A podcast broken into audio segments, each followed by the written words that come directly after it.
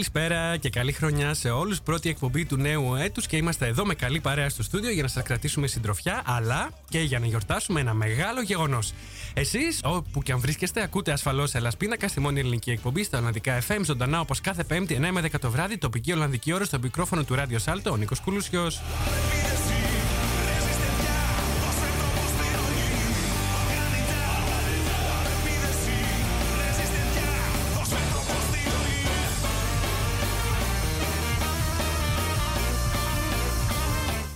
Εκπέμπουμε ζωντανά από το δημοτικό σταθμό του Άμστερνταμ. Υπάρχουν τρεις τρόποι για να μας ακούσετε live. Αν αγαπάτε το συμβατικό ραδιόφωνο και βρίσκεστε στο Άμστερνταμ, θα μας βρείτε στο ράδιο Σάλτο στους 106,8 των FM και καλωδιακά στο κανάλι 103,3 πάλι και μόνο στην περιοχή του Άμστερνταμ. Ενώ διαδικτυακά μας ακούτε παντού στον κόσμο από το ελάσπιτακά.com, το site μας με ένα κλικ στο κουμπί Listen Now.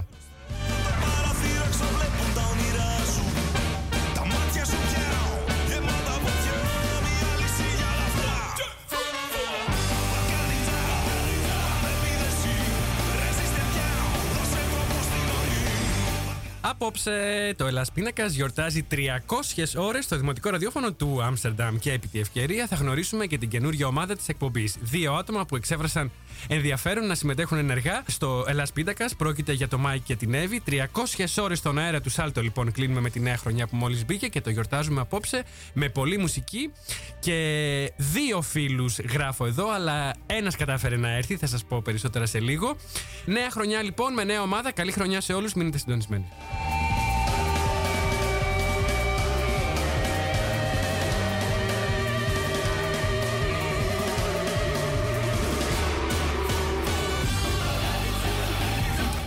Είστε χρήστης λάτρης των social media, θα μας βρείτε σε όλα τα κοινωνικά δίκτυα, στη σελίδα μας σε Facebook, Twitter και Instagram. Ενώ για να επικοινωνήσετε μαζί μας ζωντανά, μπείτε τώρα στη σελίδα του Ελλάσπιντακά στο Facebook και αποστάρετε εκεί το σχόλιο σας ή γράψτε μας μέσα στο Twitter χρησιμοποιώντας το hashtag Ελλάσπιντακα και hashtag 300 hours.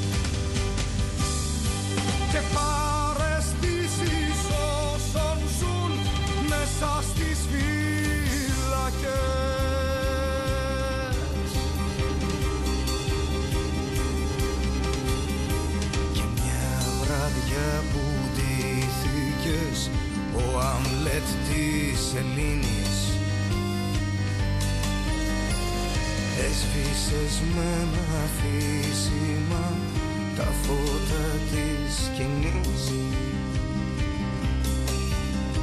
Και μόνο λόγους αρχίσες και ενίγματα να λύνεις μιας τέχνης και μιας εποχής παλιάς και σπορ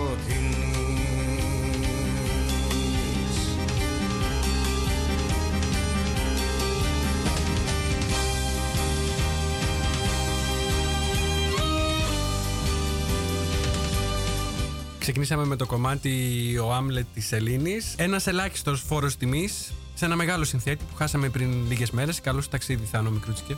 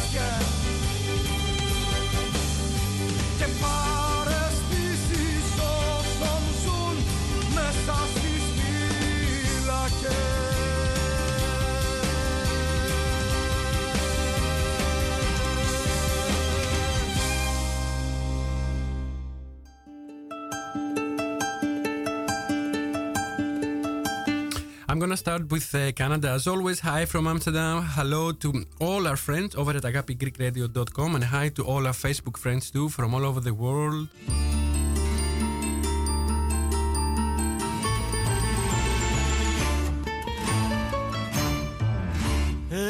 Ένα βράδυ που βρέχε που βρέχε μονότονα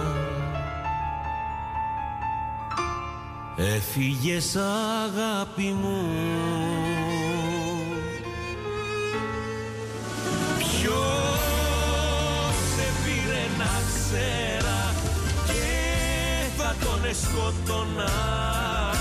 Ένα βράδυ που βρέχε Που βρέχε μονότονα Ένα βράδυ που βρέχε Που βρέχε μονότονα να στείλω λοιπόν την καλησπέρα μου και ευχές για καλή χρονιά στη Γιώτα Μπαρόν, στο Βασίλη Βεόπουλο από τη Χάγη, στη Λοντίν Κλάιμπρινγκ, στον Αντώνη Μίγκο, στον Τάκη Λαμπρακάκη, στη Μαριάννα την ανιψιά μου που ακούει από το Βελιγράδι, στην Τίνα Ρούσου και την Τάνια Θεοδόρου, στον Πασχάλη, στον Στέφανο και φυσικά την καλησπέρα μου στον ανεκτήμητο μου συνεργάτη, τον Νίκο Δούλο. αγάπη μου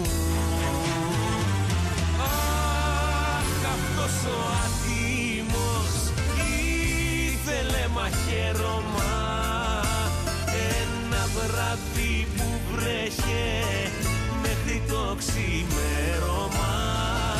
Ένα βράδυ που βρέχε μέχρι το ξημέρωμα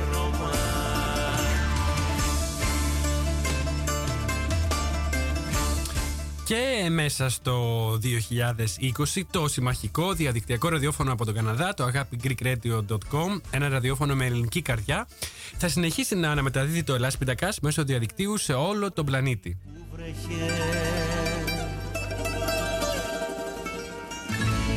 Μέχρι που εχάραξε Έφυγες αγάπη μου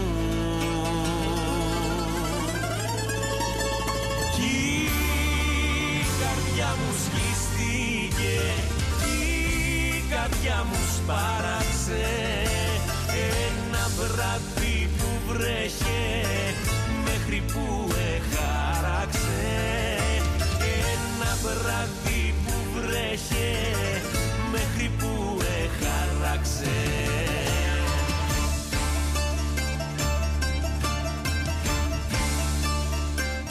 Για όσους είστε στην Ολλανδία ή σε κάποια χώρα με την ίδια ώρα με την Ολλανδία Μας ακούτε από το αγάπη greekradio.com σε ηχογραφημένη πάντα αναμετάδοση κάθε μέρα στη μία το μεσημέρι. Όσοι δηλαδή χάνετε το ζωντανό Ελλάς Πίντακας κάθε πέμπτη βράδυ, μπορείτε να ακούτε την αναμετάδοση από το αγάπη greekradio.com κάθε μέρα στη μία το μεσημέρι. Βέβαια, on demand, όλες τις παλιότερες εκπομπές μας μπορείτε να τις ακούτε και μέσα από το site μας, elaspindakas.com, στην ενότητα εκπομπές ή απλά μέσα από το κανάλι μας στο SoundCloud. Από το SoundCloud τώρα μπορείτε να κατεβάζετε όποια εκπομπή θέλετε και σας ενδιαφέρει και να την έχετε στο αρχείο σας. Μπείτε στο SoundCloud, βρείτε την εκπομπή που θέλετε, κάντε κλικ στο κουμπί More και μετά στο Download.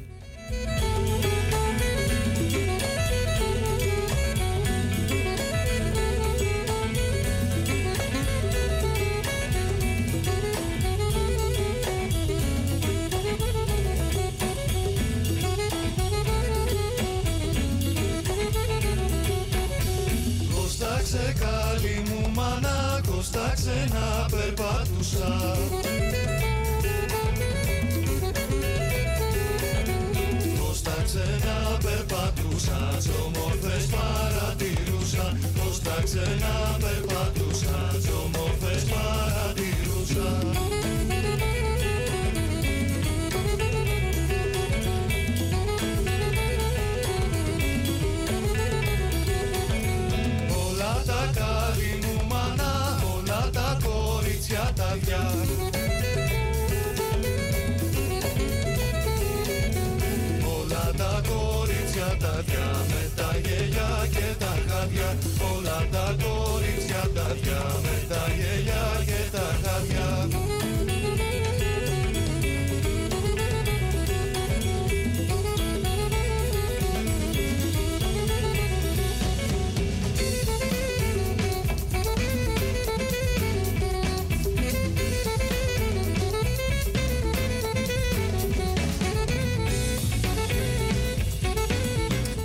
Από το 2012 εκπέμπει το Ελλάς Πίντακας, πάντα στο Σάλτο, στο δημοτικό ραδιόφωνο του Άμστερνταμ. Και μέσα σε αυτά τα 8 χρόνια συνέβησαν πολλά ωραία που ανήκουν στην κατηγορία των highlights που θα λέγαμε και σε άπτεστα αγγλικά. Πολύ επιλεκτικά μόνο θα αναφέρω κάποιους καλεσμένους που ξεχώρισαν όλα αυτά τα χρόνια καθώς και όλους τους συνεργάτες και τους σπόνσορες χωρίς τη συμβολή των οποίων αυτή η εκπομπή δεν θα έβγαινε στον αέρα με τη συνέπεια και την αφοσίωση που βγαίνει.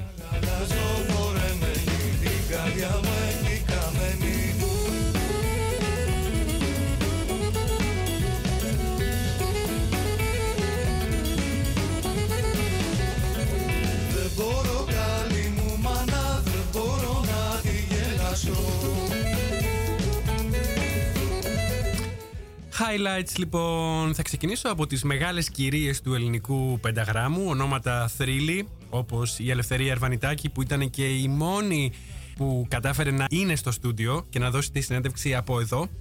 Αλλά φυσικά μεγάλες κυρίες όπως και η Γλυκερία, η Μαρία Φαραντούρη και η Άλκης της Πρωτοψάλτη πιο πρόσφατα που δώσανε έστω και τηλεφωνικά συνέντευξη στο Ελλάς Πίντακας.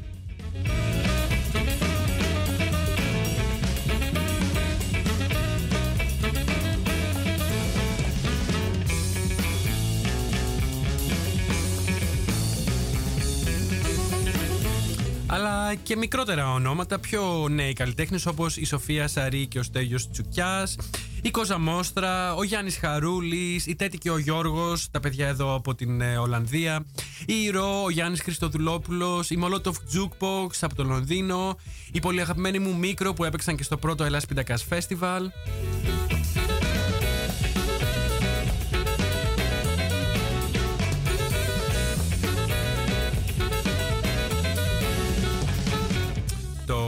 Το πρώτο Ελλάς Πιτακάς Festival ήταν ε, από μόνο του ένα highlight της όλης πορείας ε, της εκπομπής αυτής, όπως φυσικά και η δημιουργία του δίγλωσσου site μας του elaspitakas.com.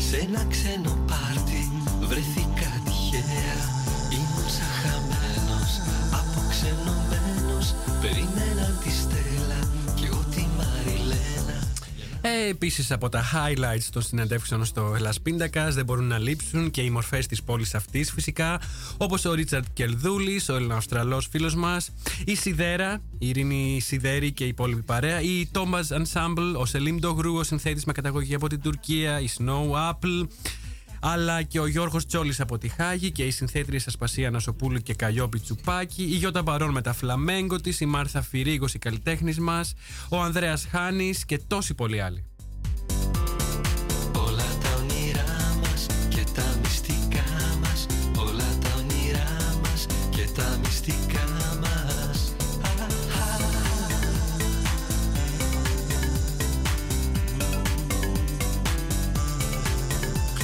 Δεν θα μπορούσα φυσικά να παραλείψω και τον πρώην Δήμαρχο Θεσσαλονίκης, τον αγαπητό μου κύριο Γιάννη Μπουτάρη, τον σκηνοθέτη, τον Νικόλα Σταμπουλόπουλο, την ψυχολόγο από την Χάγη, την ε, Λαμπρινή Κιωσέ, γεια σου Λαμπρινή, τον Πρωθυπουργό της Ολλανδίας Ρούτε που απάντησε σε ερωτήσεις του Ελλάς Pindakaas και την παίξαμε εδώ στην εκπομπή, όπως και ο πρώην Υπουργός Εξωτερικών της Ολλανδίας Μπέρτ Κούντερς.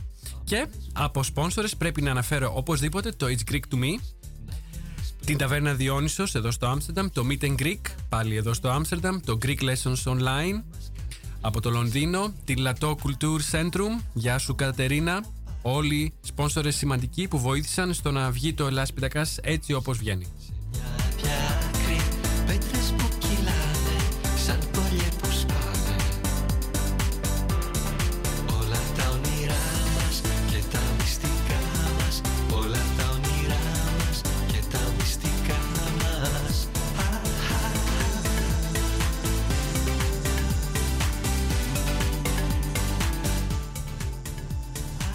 Λοιπόν, και από συνεργάτες να ευχαριστήσω ιδιαίτερα τον Δημήτρη Κρανιώτη από την Arc for Art, τον Νίκο Δούλο φυσικά, τον Διαμαντή Διαμαντίδη, την Άντια και τον Νίκολα, την Ωρεάνθη, τον Άρη, τη Βάλια, τη Vivian Χιονά από το Expert Nest,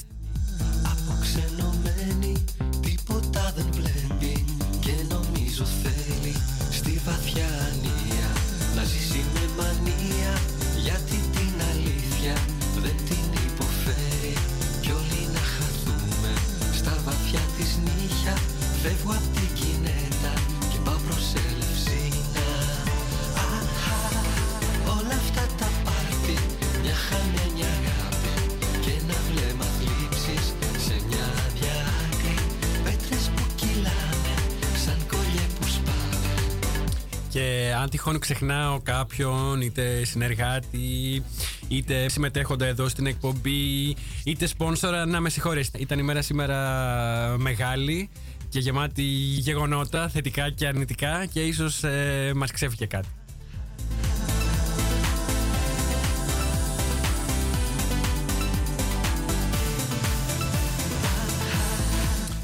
Μην ξεχάσετε, έχουμε δύο events αυτό το Σάββατο. Καταρχήν έρχεται ο Φίβος Δελιβοριάς, το Σάββατο αυτό όπως είπαμε, μεθαύριο, ναι, μεθαύριο, στο Μέλκβεχ. Αλλά το ίδιο βράδυ στις 8.30 στο Mix 3 εδώ στο Άμστερνταμ έχουμε και το Duo Χαρμάνι. Greek Rebetiko Night with Μεζέδες. Οι Μεζέδες έμαθα ότι θα ετοιμαστούν από την πολύ πολύ πολύ καλή φίλη της εκπομπής, την Τίνα Ρούσου. Η Duo Χαρμάνι, για όσους δεν ξέρουν, είναι ο Τόμας Χάουσμαν ή αλλιώς Θωμάς Νικοκύρης. ε, Ο Ρεμπέτης εδώ Ολλανδός και ο Μανώλης Φραγκιαδάκης. Λοιπόν, Duo Χαρμάνι, Greek Rebetiko Night with Μεζέδες, το Σάββατο στις 8.30 στο Mix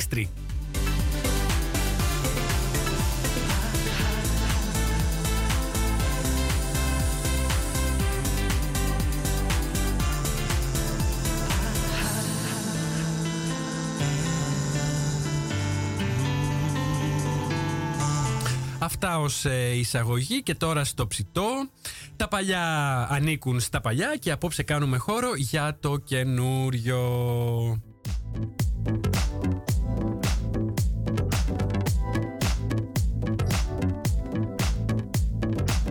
Ήταν ε, να έχουμε δύο φίλους στο στούντιο απόψε, δύο φίλους που πήραν την απόφαση να έρθουν και να συνδράμουν στην εκπομπή. Ο Μάικ αρρώστησε ξαφνικά και δεν μπόρεσε να έρθει. Περαστικά σου, Μάικ, beterschap, που λένε και εδώ στην Ολλανδία. Έχουμε όμως την Εύη και Όρη εδώ. Καλησπέρα, Εύη. Καλησπέρα και από μένα λοιπόν. Ε, Καλώς σας βρήκα. Ευχαριστώ που μου δώσατε την ευκαιρία να γίνω και εγώ μέλος του Hellas Πιντικά. Έχεις άνεση, έχεις φωνή, έχεις τα πάντα. Λοιπόν, η Εύα περνά για πρώτη φορά στο κατόφλι του Ελλάς Πίντακας, αλλά σίγουρα δεν θα είναι η τελευταία. Αυτό υποψιάζομαι. Καλώς Και ήρθατε, εγώ αυτό Εύη. ελπίζω. Καλώς σας βρήκα. Τέλεια. Α πάρουμε λίγο την ιστορία από την αρχή. Θέλω να ξεκινήσουμε με, με σένα ε, και να μας πεις πώς μας ανακάλυψες; λοιπόν, η ιστορία του πώς ανακάλυψα το ελληνικό φυσικό βούτυρο. ναι, το ελληνικό φυσικό βούτυρο αυτό. αυτό ναι. Ξεκινάει δύο χρόνια πριν, κάνοντας το μάστερ μου στο Πανεπιστήμιο του Χρόνιγεν. Μπαίνοντας στη διαδικασία του να ψάξω να βρω πού θα κάνω την πρακτική μου μόλις τελειώσω, ανακαλύπτω ότι υπάρχει ένα ελληνικό ραδιόφωνο στο Άμστερνταμ. Και λέω, βρε, λες, λες να πάω κατά εκεί. Τελικά δεν ήρθα τότε. Ναι, ναι. ήρθα τώρα όμως. Ναι, ναι, ναι, δεν έχει ναι, σημασία. ναι, ναι. Ε, Ε, το μάστερ ήταν ε, δημοσιογραφίας; ναι, ναι, ναι. Σπούδασα, έκανα το μάστερ δημοσιογραφίας στο Χρόνιγεν. Ωραία. Έχοντας αφήσει πίσω την υπέροχη Αθήνα, ηλιόλουστη Αθήνα. Άσε, άσε, αυτό πονάει. Ε, και ναι, κάπως έτσι ανακάλυψα για το Hellas Πιντικά. Όταν μετακόμισα λοιπόν στο Άμστερνταμ, Ναι. Έβαλα ένα βράδυ να ακούσω, έχοντας ακούσει όλη μέρα Ολλανδικά και Αγγλικά. Λέω, θέλω Να κάτι κάνεις διαφορετικό απο- τέλος αποτοξίνωση. πάντων. Από, αποτοξίνωση. Πες Ναι. μας λίγο έτσι για αυτή την πρώτη φορά που ήρθες σε επαφή και μας άκουσες, ε, μ, άκουσες μία εκπομπή ας πούμε. Ε, μήπως θυμάσαι και ποια ήτανε; Δεν θυμάμαι ακριβώς Ωραία. ποια Πε- ήταν. πε- Πες μας έτσι λίγο τι ένιωσες, ποια είναι τα αισθήματά Ωραία, σου. τε- τε- τε- ωραία, ωραία. ε, ναι. Λοιπόν, ε, η πρώτη εντύπωση ήταν Α, ωραία μουσική παίζει για αυτή η εκπομπή. Μάλιστα, σε ευχαριστώ. Μ' αρέσει. Σε μ' ευχαριστώ. αρέσει. Να είσαι καλά. Ε, Επίσης η κουβέντα με τον καλεσμένο, δεν θυμάμαι ακριβώς ποιος καλεσμένος ήταν Ναι. και δεν θέλω να σου πω ψέματα τώρα. όχι, όχι, όχι, ναι, για, ναι, να, ναι. για να βγω ότι. Α, Είχε ενδιαφέρον. είχε ενδιαφέρον και είχε και πλάκα. Και λέω, κοίταξε Α. να δεις, μήπως να στείλω κι εγώ. Θέλω κι εγώ να πάω. ναι, έπρεπε να το κάνεις επί τόπου. Ε, φαντάζομαι ότι το έκανες λίγο Το καιρό έκανα μετά. λίγο- λίγο καιρό ωραία, πια μετά. Ωραία. Ε, για την ιστορία να σας πω ότι η Εύη μου έγραψε λίγο πριν τις γιορτές, αν θυμάμαι Ναι, καλά. ναι, ναι. Αλλά δεν βρεθήκαμε. Νομίζω ήσουν και στην Ελλάδα για Ναι. την πρωτοχρονιά. Ακριβώς. Και με το που μπήκε η νέα χρονιά, είπα θέλω να τους έχω και τους δύο, και τον Μάικ και την Εύη. Να κάνουμε έτσι μια καινούργια αρχή σαν παρέα. Ε, μ, ε, τι σου έκανε να θέλεις να, να γράψεις και να συμμετέχεις στην εκπομπή; Λοιπόν, η ε, αγάπη σου για. Όχι, εσύ, εσύ θα μας τα πεις. Άκου τώρα. Ναι. Λοιπόν, ε, πάντα είχα το μικρόβιο της ε, δημοσιογραφίας και λέω: Εντάξει, αφού υπάρχει αυτή η ευκαιρία στο Άμστερνταμ, Ναι. γιατί όχι, δεν έχω να χάσω κάτι. Το πολύ Εννοείται. πολύ να μου πούν όχι. Μ, δεν είναι ούτε η πρώτη ούτε η τελευταία Νομίζω φορά. δεν περίμενες ότι θα σου πούμε. Και όχι. καλά, εντάξει, δεν το ξέρεις κιόλας. Αλλά αυτό. ναι, είχες Αλλά και ένα. λέω να. Εγώ θα κάνω ό,τι κάνω πάντα. Θα στείλω Έτσι, και έτσι, έτσι. θα δω τι θα γίνει. Ναι. Μου είπατε ναι, λέω θα πάω. Ναι, ναι. Φυσικά και θα πάω. Εννοείται, εν- εννοείται. Το μου είπατε δεν νομίζω να αναφέρεσαι σε, Ε, μου σε είπες, μένα. μου είπες, Ωραία. μου είπες, Νίκο, μου με είπες. άκουσες λίγο, με άκουσες. Λι- λοιπόν, ε, τώρα, να μάθουμε λίγα πράγματα για σένα γιατί δεν γνωρίζουμε αρκετά. Ρώτα με, Σχεδόν λοιπόν. καθόλου. Πες μου λίγο που γεννήθηκες, που μεγάλωσες έτσι, τα πολύ έτσι, Πολύ αρχικά ερωτήματα. Λοιπόν, γεννήθηκα στην Αθήνα, στην Κεσαριανή, την όμορφη Κεσαριανή. Α, μάλιστα. Ε, τε- Εργατοσυνοικία. Εργατοσυνοικία. Ωραία, Εννοείται. ωραία. Μ' αρέσει, μ' αρέσει. Ε, Ναι. Φτιαγμένη από μικρασιάτες πρόσφυγες. Έτσι, έτσι, έτσι, έτσι, με έτσι. μεγάλη ιστορία, εννοείται. Ναι. Ε, μεγάλωσα λοιπόν στην Κεσαριανή. Την αγαπώ βαθύτατα σαν Αχα. ε, περιοχή. Ναι. Ε, μ, και έζησα εκεί μέχρι τα 24 μου χρόνια όταν και Αχα. αποφάσισα να φύγω από την ε, Αλ- Ελλάδα και να βρεθώ στην Ολλανδία. Μάλιστα. Ε, β- κάνε μια ανωτελεία. Θα, θα, Ναι, θα ναι, σε ναι. ρωτήσω για τον ερχομό σου στην Ολλανδία. Πες μου λίγο στην Ελλάδα ε, μ, τι σπούδασες, πώς ήταν η ζωή μεγαλώνοντας. Νομίζω θέλεις να μας αποκαλύψεις και κάτι. Ε, για τη μαμά και τον μπαμπά. Α, ναι, ναι, ναι. θα μας τα Αχ, πεις, να αχ, σε αυτοί οι ρωτήσω, γονείς. θα μας τα πεις. Λοιπόν, θα σας τα πω, γιατί να μην Αυτό σας που τα λέμε πω. και στα ελληνικά, από πού κρατάει η σκούφια σου; Λοιπόν, η σκούφια μου κρατάει. Είναι μεγάλο το ταξίδι, λοιπόν. Ναι, ναι, ναι. Ε, μ, εγώ είμαι μισή-μισή, είμαι μισή Αλβανίδα και μισή Ελληνίδα. Ναι. Ε, Ε, η μαμά είναι. Η μαμά είναι Αλβανίδα και ο παπά Από πού; Έλληνας. Από πού η η μαμά; μαμά είναι από το Τεπελένη. Α, Ιστορικό το επίσης. γνωστό Το ιστορικό, γνωστό θρηλυκό. Ναι, ναι, ναι, ναι, Τεπελένη. Μάλιστα, μάλιστα. Ε, η μητέρα μου μετακόμισε μαζί με την οικογένειά της το 89 στην Ελλάδα. Ήταν δηλαδή από τους πρώτους. Ήταν από τους πρώτους πρώτους. Πριν καν ανοίξουν τα σύνορα. Ναι, πολύ παράνομα. Ναι. Δεν ήθελαν, μετακόμισαν Κάπως στην Ελλάδα. εκδιώχθηκαν κατά εκδιώχθηκαν, έναν ε, τρόπο, ναι, γιατί ναι. ήταν ε, λόγω της πολιτικής κατάστασης ε, στη χώρα. Βρέθηκαν λοιπόν στην Ελλάδα, μ, γνωρίστηκε η μαμά μου με τον μπαμπά μου. Ναι. Πιο μετά και ήρθα εγώ στον κόσμο. Τι ωραία. Ε, αδέρφια έχεις; Έχω δύο αδερφές, είναι είστε δίδυμες. τρία κορίτσια; Είμαστε τρία κορίτσια, μόνο Α, και είναι κορίτσια στο δίδυμες. σπίτι. Μάλιστα, μάλιστα. Ναι.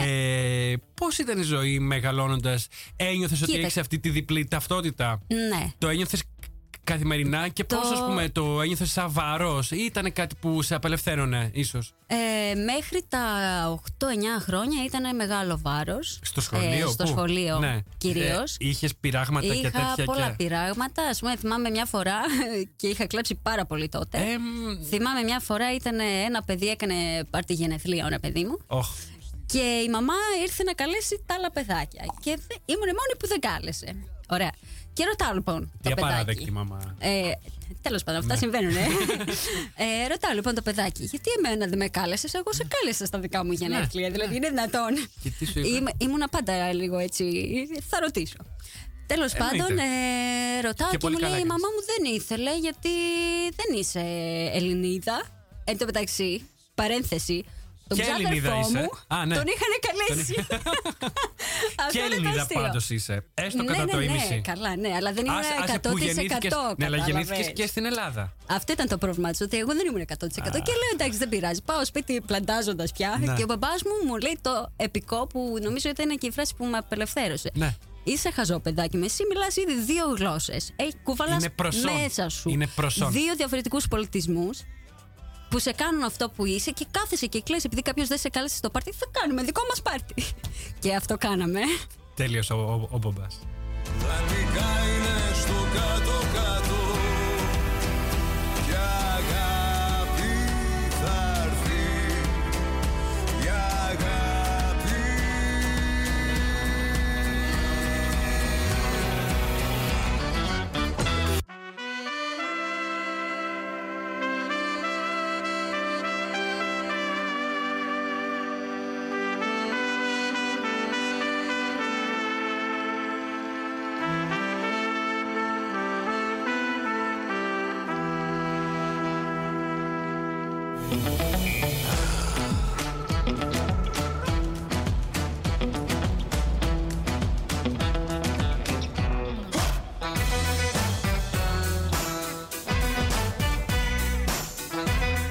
τελευταία δευτερόλεπτα προλάβαμε από το πολύ ωραίο κομμάτι του Πάνου Μουζεράκη που λέγεται Αυτή είναι η ζωή.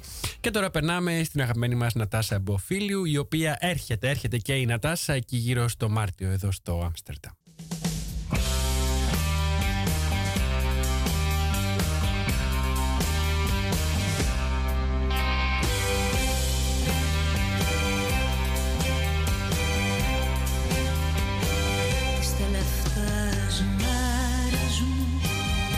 Τις ρίξω στη θάλασσα. Νιώθω λες και μεγάλωσα. Για να βρεθώ με εκείνη σε παραλία απόμερη. Με ένα φθαρμένο Μοντγκόμερι θα στήσω την πολυθρόνα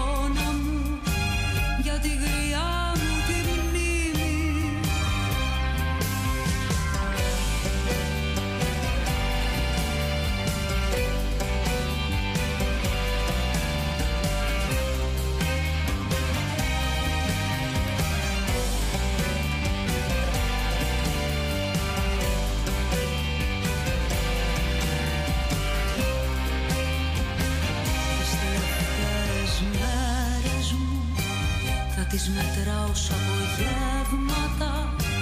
Θα παραθέτω γεύματα για τα φαντάσματα μου. Θα ξαγρυπνάμω στις δυόμιση κάνοντας μια ταξινόμηση στις εμπειρίες του βίου μου. Στα παιδικά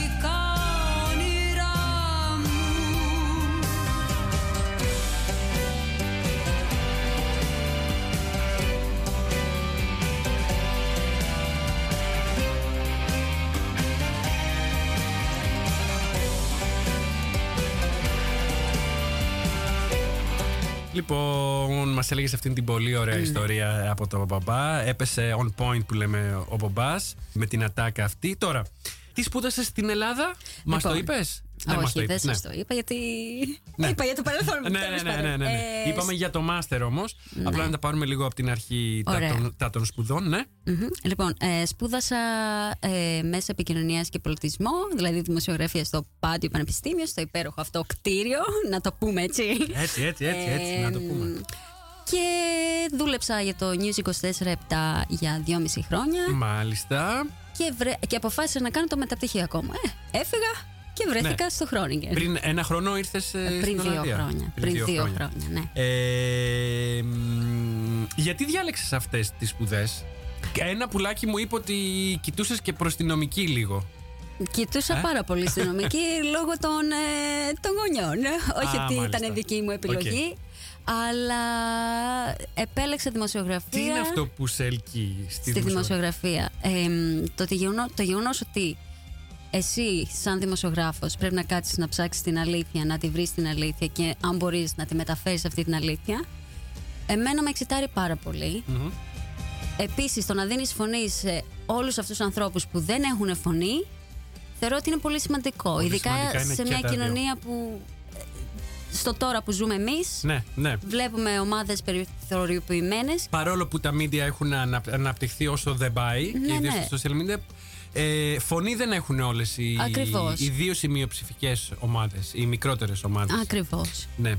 Ε, μ, πιστεύεις η καταγωγή σου που έχεις και αυτή τη διπλή ιδιότητα, ταυτότητα προσών, θα το πούμε όπως το είπε ο Μπομπάς, παίζει ρόλο στο να θέλεις να δώσεις φωνή; Δηλαδή, ναι, εννοείται, ε, εννοείται. αν ήσουν γενμένοι ε, από δύο Έλληνες ε, γονείς στην Αθήνα, μπορεί να παίρνεις άλλη.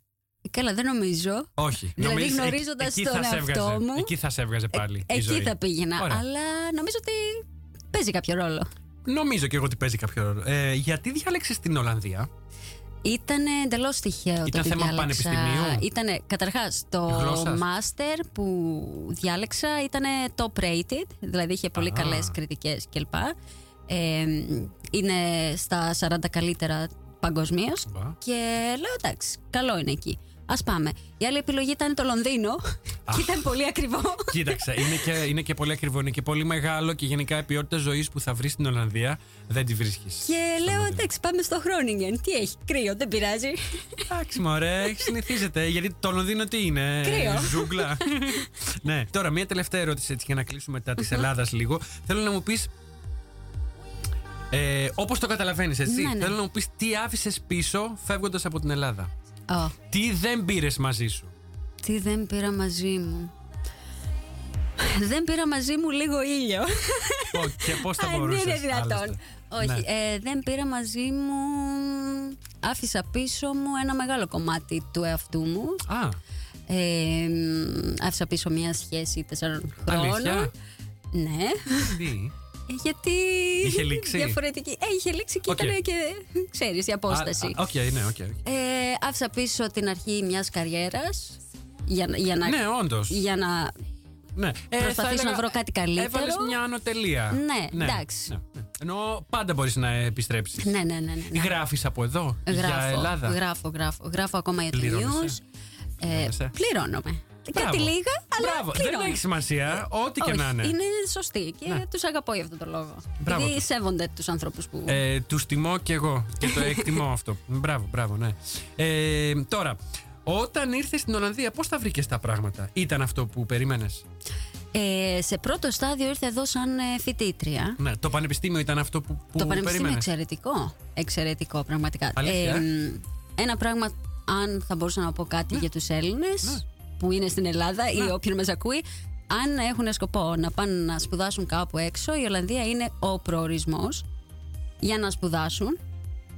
Έτσι, Ναι. το πανεπισ- Τα πανεπιστήμια είναι σαφώς πολύ καλύτερα από αυτά της Ελλάδας. Τα δίδακτρα ήταν ε, Τα τσουχτερά για το δίδακτρα μάστερ. δεν ήταν ε, τόσο τσουχτερά, γι' αυτό Πάνω από επέλεξα. διχίλιαρο. Διχίλιαρο. Εκεί, γύρω. εκεί, Οκ, εκεί. ναι. Αυτό θυμόμουν κι εγώ έτσι λίγο. Εντάξει. Ναι.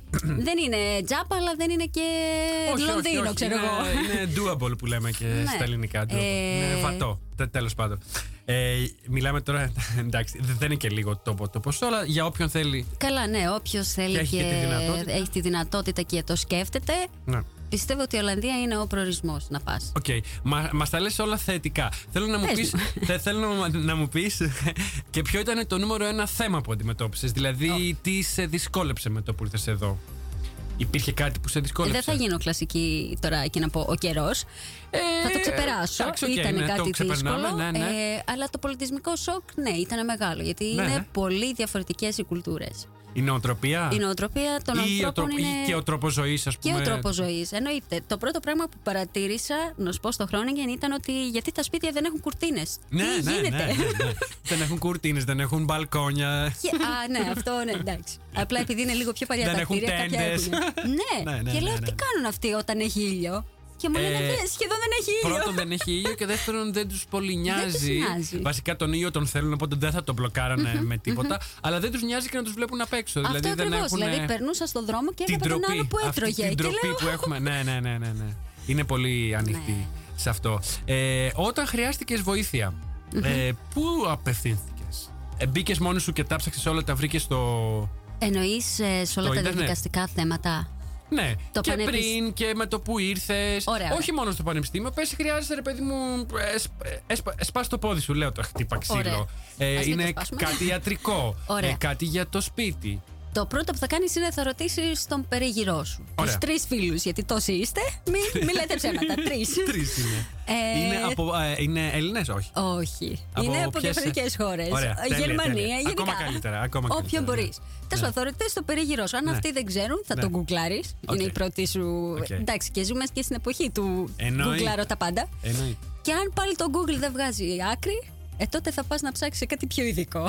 Ναι, ναι, ναι. ναι, ναι. Ε, στην ελληνική κοινότητα πήγες καθόλου ψάχτηκες αν έχει κάτι στο χρόνο και δεν το γνωρίζω για να είμαι ειλικρινής. Ε, να σου πω την Έχει αλήθεια, Έλληνες, και αλλά εγώ Έλληνες έχει πάρα πολλούς. δεν ξέρω αν έχει οργανωμένη κοινότητα. Οργανωμένη κοινότητα. Α, ναι, υπάρχει. Έχουν σελίδα στο Facebook. Είναι, ονομάζονται οι Έλληνες του Χρόνιγκεν. Οι Έλληνες του Χρόνικεν. Έχεις Ναι. γίνει μέλος; Ε, τους ακολουθώ και με ακολουθούν γιατί Ναι. έγραψα κάποια στιγμή κάτι στα ελληνικά και το πόσταρα εκεί και με ακολούθησαν. Ωραία, ωραία, ωραία, Και ωραία, κάπως ωραία. έτσι έμαθα και για τους Έλληνες του Άμστερνταμ. Α, μέσα από εκεί. Ναι. Ωραία. Εδώ μου πες παρέα κάνεις με τους με τους τρεις φίλους σου Με που τους είναι από τρεις φίλους μου. διαφορετικέ. Ναι. με Έλληνες, έχεις Ναι. βρει, έχεις βρει Έλληνες, κάνεις. Έχω γνωρίσει πολλούς πανεπιστήμιο, Έλληνες γενικά. Συμφοιτητές είχες κανέναν Συμφοιτητές Έλληνα; όχι, ήμουνα η μόνη. Εντάξει, ναι. Ε, Είναι και μάστερ τώρα. Είναι και μάστερ και είναι Ναι. και λίγο. Ήμασταν 9 άτομα όλοι και όλοι. 9 Ε, νοματέοι. ναι. Ακριβώς, Δηλαδή, ακριβώς, ακριβώς. Ε, οπότε έχω γνωρίσει όμως πάρα πολλούς Έλληνες εδώ στο Άμστερνταμ, ειδικά. Ναι. Ε, και στο Χρόνιγκεν πάρα πολλούς, αλλά δεν ξέρω για, για ποιο λόγο. Δεν ε, είναι ότι λέμε Α, να συναντηθούμε. Ξέρεις, αυτό που λέμε να κανονίσουμε να βγούμε για καφέ και δεν βγαίνεις ποτέ. Ξέρεις τι συμβαίνει, αν και εγώ μ, τους εκτιμώ τους λίγους και καλούς Έλληνες ναι, φίλους ναι, που ναι, έχω ναι. πλέον, γιατί παλιότερα όταν είχα έρθει ήμουνα και φοιτητής ήμουνα μόνο με ξένους και μου έλειπαν Ναι. λίγο. Ε, αλλά είναι αλήθεια ότι δεν βρίσκονται όσο θα βρισκόταν αν ήταν στην Ελλάδα, ας πούμε. αυτό Που ακριβώ. βρισκόμαστε σχεδόν κάθε μέρα. Ε, Ολλανδούς φίλους έκανες; Ολλανδούς Βρήκες; φίλους έχω μόνο Φιλίες; μία Α, Ολλανδή πάλι φίλη. καλά. Κολλητή. Α, Ε, πέρα από αυτήν, όχι. Γενικά δεν ξέρω. Με τους Ολλανδούς έχω ένα, ένα σκάλωμα, να σου πω την αλήθεια. Δηλαδή Ναι, δεν είναι καθόλου πες το μας. ρατσιστικό, αλλά. Πες το μας, πες το μας. Ε, Πού κολλάει το θέμα. Πού κολλάει, Νο- δεν ξέρω. νομίζεις; Η νοοτροπία τους. να σου πω, την, να σου πω τη Κάτω μας φοβερή λίγο ατάκα. συγκεκριμένα, δώσε μας ένα παράδειγμα. ναι, Ωραία. ναι. Φοβερή ατάκα. Ναι, ναι, λοιπόν, ναι. έχω βγει έξω στο Χρόνιγκεν και είναι τώρα ένας Ολλανδός τύπος, με πλησιάζει και μου λέει: Μου χρωστάς Α, ναι. 6 δισεκατομμύρια. Το Του γνωστό. λέω, γιατί του λέω, εγώ μόλις σε Αχ. γνώρισα. Ε, μου λέει, γιατί η χώρα σου. Και του λέω, συγγνώμη, του λέω, αυτό τώρα είναι ατάκα πεσήματο. Άσε και τώρα. έφυγα. Και γι' αυτό το λέω από τότε. Καλύτερα, κάτι- άμα δεν έχεις να πεις κάτι Μα ναι. που να αξίζει, Μην. μην, μην, μην, Μην. το ανοίγεις. Εμένα μου είπαν και το άλλο. Ήρθες εδώ για το διαβατήριο; Αχ. Που εγώ είμαι εδώ από το 99. Αχ. Και δεν έχω κα- μπει καν στη διαδικασία να μπω να, να ψαχτώ. Μα για... αν είναι δυνατόν. Ναι.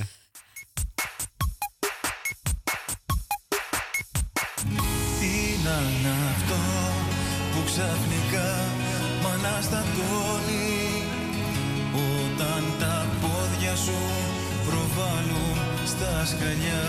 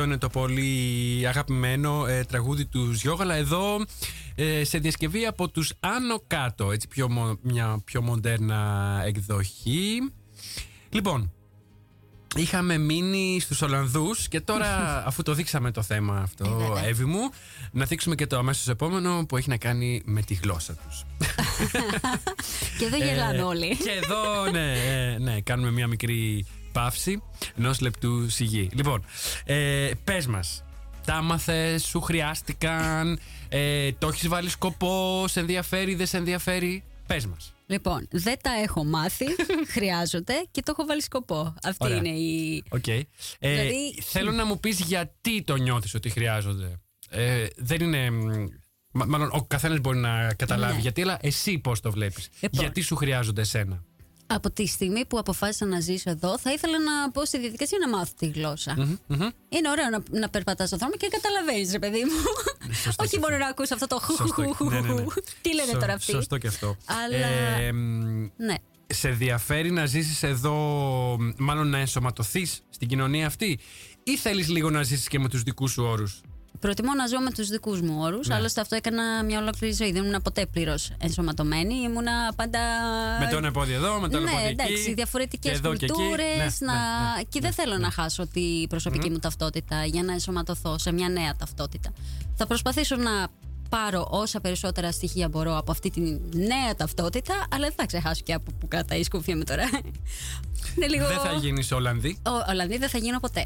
Ούτε ή Είναι, άλλως. είναι και λίγο δύσκολο για μας. Ούτως ή άλλως. Ε, μ, ναι. Και μία τελευταία ερώτηση πάλι έτσι στο ίδιο θέμα. Όπως το καταλαβαίνεις εσύ, θέλω να μου πεις πού πιστεύεις ότι η ζωή είναι πιο ελεύθερη. Στην Ολλανδία ή στην Ελλάδα; Ε, για μένα η ζωή πιο ελεύθερη είναι στην Ολλανδία. Έχεις περισσότερη ελευθερία του να αλλάξεις δουλειές αν δεν είσαι ευχαριστημένος.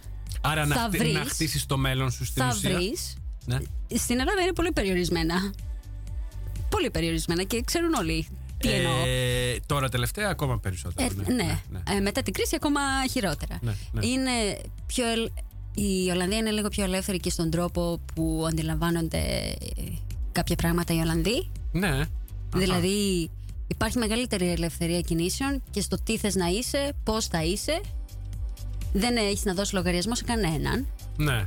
Και για Όντως, τίποτα. Όντως, όντως, όντως. Και για Ε, τίποτα. Είναι Κοίταξε, είναι, πολύ γενικά, σημαντικό. είναι γενικά η, κουλτού, η νοοτροπία αυτή που εμάς μας αρέσει μεν γιατί μας δίνει μια ελευθερία αλλά μ, έρχεται λίγο σε αντίθεση με αυτό που έχουμε συνηθίσει στην Ελλάδα Καλά, ναι. και έχει να κάνει λίγο με αυτό το πνεύμα του ατομικισμού δηλαδή το ότι δεν τους ενδιαφέρει για το τι κάνει ο διπλανός τους εδώ στην Ολλανδία είναι και καλό, είναι και θετικό Είναι και κακό, είναι και βέβαια. κακό γιατί δεν υπάρχει καμία ε, δεν υπάρχει αυτό το έμπαθη δεν υπάρχει επικοινωνία Ναι, ναι. ε, ο κόσμος ζει δίπλα-δίπλα, θα μου πεις και στις πολυκατοικίες της Ελλάδας Ναι, γίνεται ε, μα αυτό. έτσι- με έτσι έχει Αλλά γίνει στην και Ελλάδα, τώρα εκεί. Στην Ελλάδα όμως στις γειτονιές υπάρχει ακόμα. Δηλαδή θέλεις λίγο Ναι, να δει ναι, τι κάνει εντάξει. ο αυτό, νιώθεις λίγο και τον άλλον, αν, αν ε, πάσχει, να βοηθήσεις. Λίγο ακο- υπα- υπάρχει. Εδώ Ναι, ναι, πολύ βέβαια, δύσκολο. ναι. Εδώ ο Ολλανδός θα σου πει Α, εγώ τα έκανα όλα μόνος μου να τα κάνεις και εσύ μόνος σου. Ε, ναι, εντάξει. Αυτό θα, εννοείται, θα σου μα- απαντήσει. Οπότε, μ, δηλαδή είναι και καλό και κακό. Ναι. Και ένα τελευταίο. Ε, έχεις ε, συγκεκριμένο σχέδιο για το πότε θα γυρίσεις στην Ελλάδα; Και αν ναι, με ποιες προϋποθέσεις θα Ωραία. γυρνούσες στην Ελλάδα; Μμμ, λοιπόν, εγώ εδώ στο Άμστερνταμ είμαι, να σου πω, πώς να το πω, δοκιμαστικά να το πω, να το πω για ένα χρονικό διάστημα Συγκεκριμένο όμως; συγκεκριμένο να δω μέχρι πόσο μπορώ να το σπρώξω. Έχεις βάλει αν όριο; μπορώ- Έχεις πει ας πούμε Κοίτα, ότι να αν σου στα πω επόμενα κάτι. δύο χρόνια δεν κάπως έτσι. Κάπως έτσι. οκ. Κάπως έτσι. Τώρα δεν έχω πει. Α, 25 Φεβρουαρίου την έχω Όχι, κάνει. όχι, Δεν είσαι τόσο Ολλανδία Δεν- ακόμα. όχι, όχι. ναι, με μπλοκάκι τα Με γράφεις μπλοκάκι όλα. Και αυτό, ναι. όχι, όχι, όχι. Δεν, ε, τόσο πολύ όχι. Αλλά έχω στο μυαλό μου, ας πούμε, ένα σχέδιο. Αν δεν βγει κάτι σημαντικό για μένα, για την ε, καριέρα μου και Ναι. την προσωπική μου εξέλιξη στα επόμενα δύο χρόνια το πολύ, Ναι. θα γυρίσω πίσω. Μάλιστα. Να πάμε και λίγο στα επαγγελματικά. Βέβαια. Θέλεις να μου πεις αυτή τη στιγμή ποια είναι η κυρία σου ασχολία; Λοιπόν, αυτή Γιατί τη στιγμή. φαντάζομαι ότι δεν ζεις από τη δημοσιογραφία Όχι. ακόμα. Ναι. Όχι, όχι, λίγο δύσκολο. Άμι, ε, εννοώ, αν. ε, Αστιάκι του συναφιού μας αυτό. ναι, ναι. Κανένας δημοσιογράφος Ε, στην αρχή ναι. δεν ζει από αυτό. και σίγουρα όχι από μία. Εννοείται. Δουλειά, Μα ναι, ναι. εννοείται. Ε, Λοιπόν. Άρα πώς τα βγάζεις πέρα; Πώς τα βγάζω πέρα. Λοιπόν, εργάζομαι αυτή τη στιγμή σε ένα κατάστημα με τουριστικά στο κέντρο. Τέλεια. Ωραία. Τέλεια. Ε, στο πλάι γράφω κιόλας. Εννοείται. Για το news, για το Εννοείται. One Man, το Εννοείται. Ladylike. Εννο, εννοείται. Ό,τι Τι θα μπορώ. ήθελες να κάνεις εδώ, Έχεις έτσι ένα όνειρο; Ένα όνειρο. Ε, θα ήθελες, ας πούμε, το είναι ιδανικό, το όνειρο ας σου πούμε. ναι, να ασχοληθείς με τη δημοσιογραφία Ναι, εδώ; Αυτό θέλω. Αυτό Αλλά θα ήθελες. στα, ελλ- σε, στα, σε ποια στα αγγλικά. γλώσσα; Α, στα αγγλικά. καλά. Αυτό Join το the πρόβλημα. club. ναι, join the... Μπες στην ουρά. Ναι. Ξε- Ξέρεις Αυτό ποιο είναι είναι το πρόβλημα. θέμα, ότι είναι πολύ λίγα τα μέσα. Είναι δηλαδή μία εφημερίδα στη Χάγη. Ναι. Το dutchnews.nl και κανένα δυο. Ναι, ναι, το ξέρω. Ε, και το που δουλεύει και ο, ο, ο, ο Γιάννης ο Πλειός ε, και το, πώς λέγεται αυτό, Άμστερνταμ, κάτι City Mag, κάπως έτσι. Α, ναι, δουλε- το City Mag. Είναι δύο-τρία, ε, τα οποία συνήθως έχουν πολύ μικρό Ε, ναι, budget, έχουν, budget και μικρό προσωπικό. Οπότε, Πέντε άτομα. Ναι, και αν θέλουν, θα θέλουν συνήθως native speakers. Και είναι πολύ Ναι. δύσκολο για κάποιον που δεν είναι να εισχωρήσει. Τέλος, τέλος πάντων. Ε, δεν θα το εγκαταλείψω, θα το προσπαθήσω. Έτσι, έτσι, έτσι, έτσι, έτσι, έτσι, έτσι, έτσι,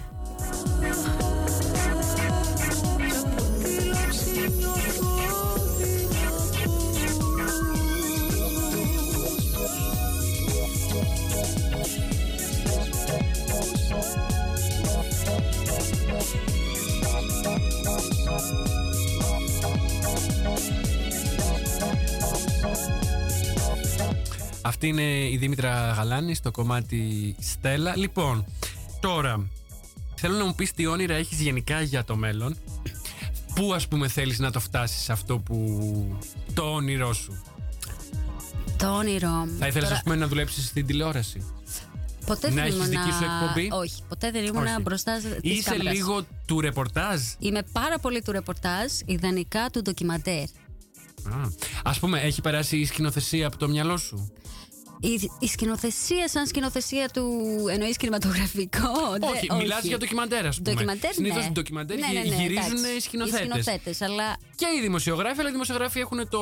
μ, Ξέρεις, το σπικάζ, ας πούμε, πιο πολύ. ναι, ναι, ναι, το ναι, ναι, κομμάτι εντάξει. αυτό. Ε, του κατά ντοκιμαντέρ. τη διάρκεια του μάστερ. Ε, Έχεις κάνει κάτι; Δούλεψα πάνω σε αυτό. Δηλαδή, Τι να ωραία. κάτσω και να. Με ποιο θέμα; Τι εννοείς, τι Έχεις θέλω να ασχοληθεί κάνω; με κάτι; Όχι, Ε, για το κοινωνικά ντοκιμαντέρ. ρεπορτάζ, Κοινωνικά, ωραία. Κυρίως. Τώρα θέλω να μου πεις και τι σχέδια έχεις για τη συμμετοχή σου στην εκπομπή αυτή. Ου, αυτό δεν το περίμενα αυτό. Όντως, ναι. λοιπόν, ε, μ, μ' αρέσει να κάνω αυτό που κάνουμε τώρα. Ωραία. Άρα θέλεις. Αρέσει να είμαι εδώ, να, να παίρνω συνεντεύξεις. ε, Μου είπες ότι θες να πάρεις Λατρεύω. συνέντευξη και από την Νατάσα, την Ποφίλιου. Αυτό θα ήταν ωραίο. μ, ε, ελπίζω ότι θα γίνει πραγματικότητα όπως το συζητήσαμε με τον Δημήτρη τον Γκρανιώτη κάποια στιγμή. Οπότε σου είπα ότι ναι, αυτό θα γίνει. Α πούμε, θα ήθελες κάποια στιγμή να σε αφήσω και μόνη σου εδώ; Αμέ, γιατί όχι; Τέλεια. Ε, Μ' με αρέσει επίβλεψη. που δεν. Ε; Με επίβλεψη. Όχι, εννοώ επειδή είναι λίγο καινούρια όλα τα Ω. πράγματα εδώ, αλλά Α, το εντάξει, θέλεις. το- το θέλω, ναι, γιατί; Ωραία. Πες μας και τι ευχή θα έδινες για το νέο έτος και αν έχεις και New Year's resolutions. Και θα κλείσουμε με αυτά. Ε, μ, τι ευχή για το νέο έτος. Εύχομαι ε, παγκόσμια ειρήνη. Κάνω Μην- πλάκα. μην το Αλλά γελάς, μην το αυτές τις γελάς, μέρες τα παίζει, γεγονότα, Παίζει, ναι, ναι. παίζει. παίζει. Ε, εύχομαι μ, όλοι μας και ο καθένας ξεχωριστά Ναι. ε, να είναι πρώτα απ' όλα ευχαριστημένοι με τη ζωή που έχουν και αν δεν είναι να δουλέψουν μέχρι να είναι. Τι ωραία που τα λες, ναι, ναι. Ε, Και New Year's resolutions για δεν, σένα; ε, δεν έχω new, new year, new me. Δεν πιστεύω σε αυτά τα μην πράγματα. μπαίνεις στο τρυπάκι αυτό. Δεν Άστο. πιστεύω σε αυτά τα λοιπόν, πράγματα. Για τέλος, κράτησα ένα πολύ μικρό multiple choice που κάνουμε εδώ στο Ελλάς 5K σε μια προσπάθεια να ερευνήσουμε με, έτσι, με λίγο εύθυμο τρόπο ποιος πραγματικά είναι ο καλεσμένος μας και πόσο millennial είναι. λοιπόν, εγώ το ονομάζω μ, The Silly Millennial Personality Test, ο Φελάς Πίνακας και θέλω να μου πεις από τις παρακάτω έννοιες ποια είναι πιο κοντά σε σένα, είναι έτσι binary. Ωραία. Οπότε έχουμε διαδίκτυο ή βιβλίο, Βιβλίο. laptop ή smartphone, Λάπτοπ. ε, Instagram or Facebook; Instagram. Εδώ. Facebook, ε, sorry, αγγλικά ή ελληνικά; Ελληνικά. Α, τηλεόραση ή YouTube; YouTube. Ή streaming, ας πούμε. YouTube. Ε, οικολογία ή τεχνολογία; Οικολογία. Social networking or social anxiety; Social anxiety. Όχ, όχ, όχ. ε, vegan ή meat lover. Τι είσαι; Meat lover. Γυμναστήριο ή bar. Γυμναστήριο. Yeah. ε, online shopping ή window shopping; Windows shopping. Την ίδια Πόλη. ευχαρίστηση. Σε παρακαλώ. Πόλη ή εξοχή; Πόλη. Και παρόν ή μέλλον; Ζεις το τώρα ή ζεις σκεφτόμενη τι θα γίνει αύριο; Πόσο δύσκολο. Δύσκολο αυτό, σκεφτόμενη, σκεφτόμενη το τι θα γίνει Το αύριο, ε. Ναι. Α, είσαι το οποίο λίγο, δεν είναι είσαι πάντα λίγο- καλό, είσαι αλλά λίγο τέλος πάντων. αγχώδης. Είμαι- Γενικά. Είσαι ε. λίγο, ε, το έχεις, ναι. Μοιάζουμε σε αυτό. Λοιπόν, φτάσαμε στο τέλος. Ευχαριστώ ιδιαίτερα την Εύη που ήταν εδώ Εγώ μαζί μου ευχαριστώ. απόψε και γιορτάσαμε παρέα τις 300 ώρες του Ελλάς Πίντακας.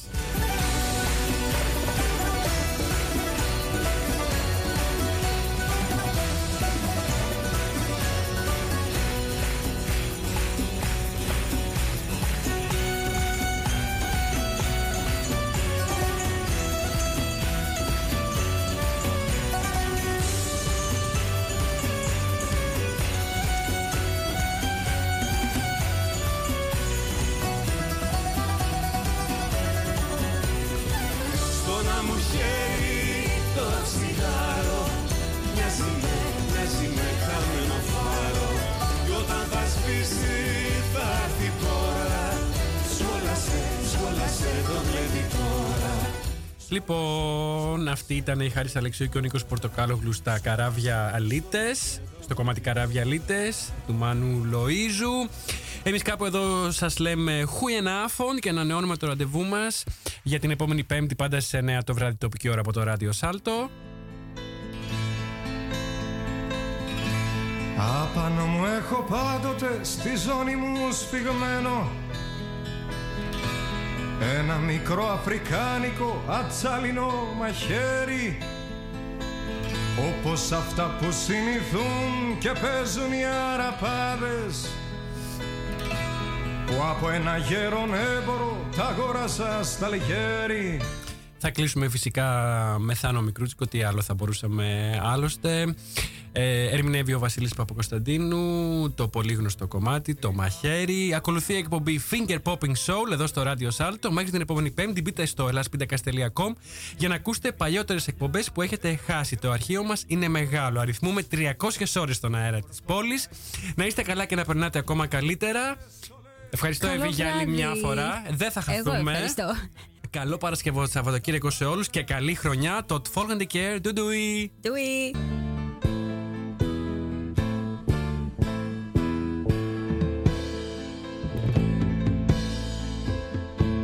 Ε, τούτο το μαχαίρι εδώ που θέλεις να αγοράσεις Με ιστορίες αλόκοτες ο θρύλος το έχει ζώσει Κι όλοι το ξέρουν πως αυτοί που κάποια φορά το είχαν Κάθε ένας κάποιον άνθρωπο δικό του έχει σκοτώσει.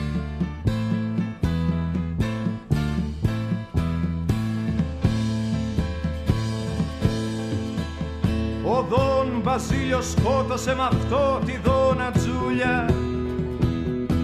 Την όμορφη γυναίκα του γιατί τον απατούσε ο Κόντε Αντώνιο μια βραδιά το δύστιχο αδερφό του. Με το μαχαίρι του το εδώ κρυφά δολοφονούσε.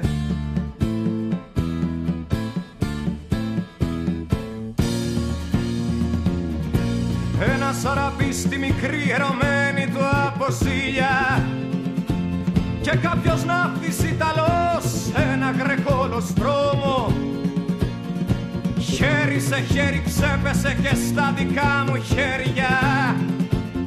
Πολλά έχουν δει τα μάτια μου, αυτό μου παίρνει τρόμο.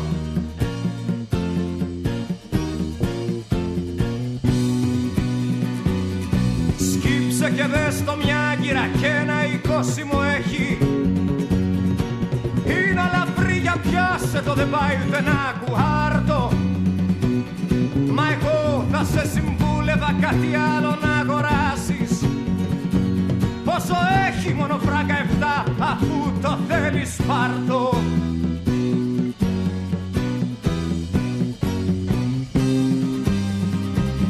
Ένα στιλέτο έχω μικρό στη ζώνη μου σφιγμένο που η ιδιοτροπία με έκαμε και το καμά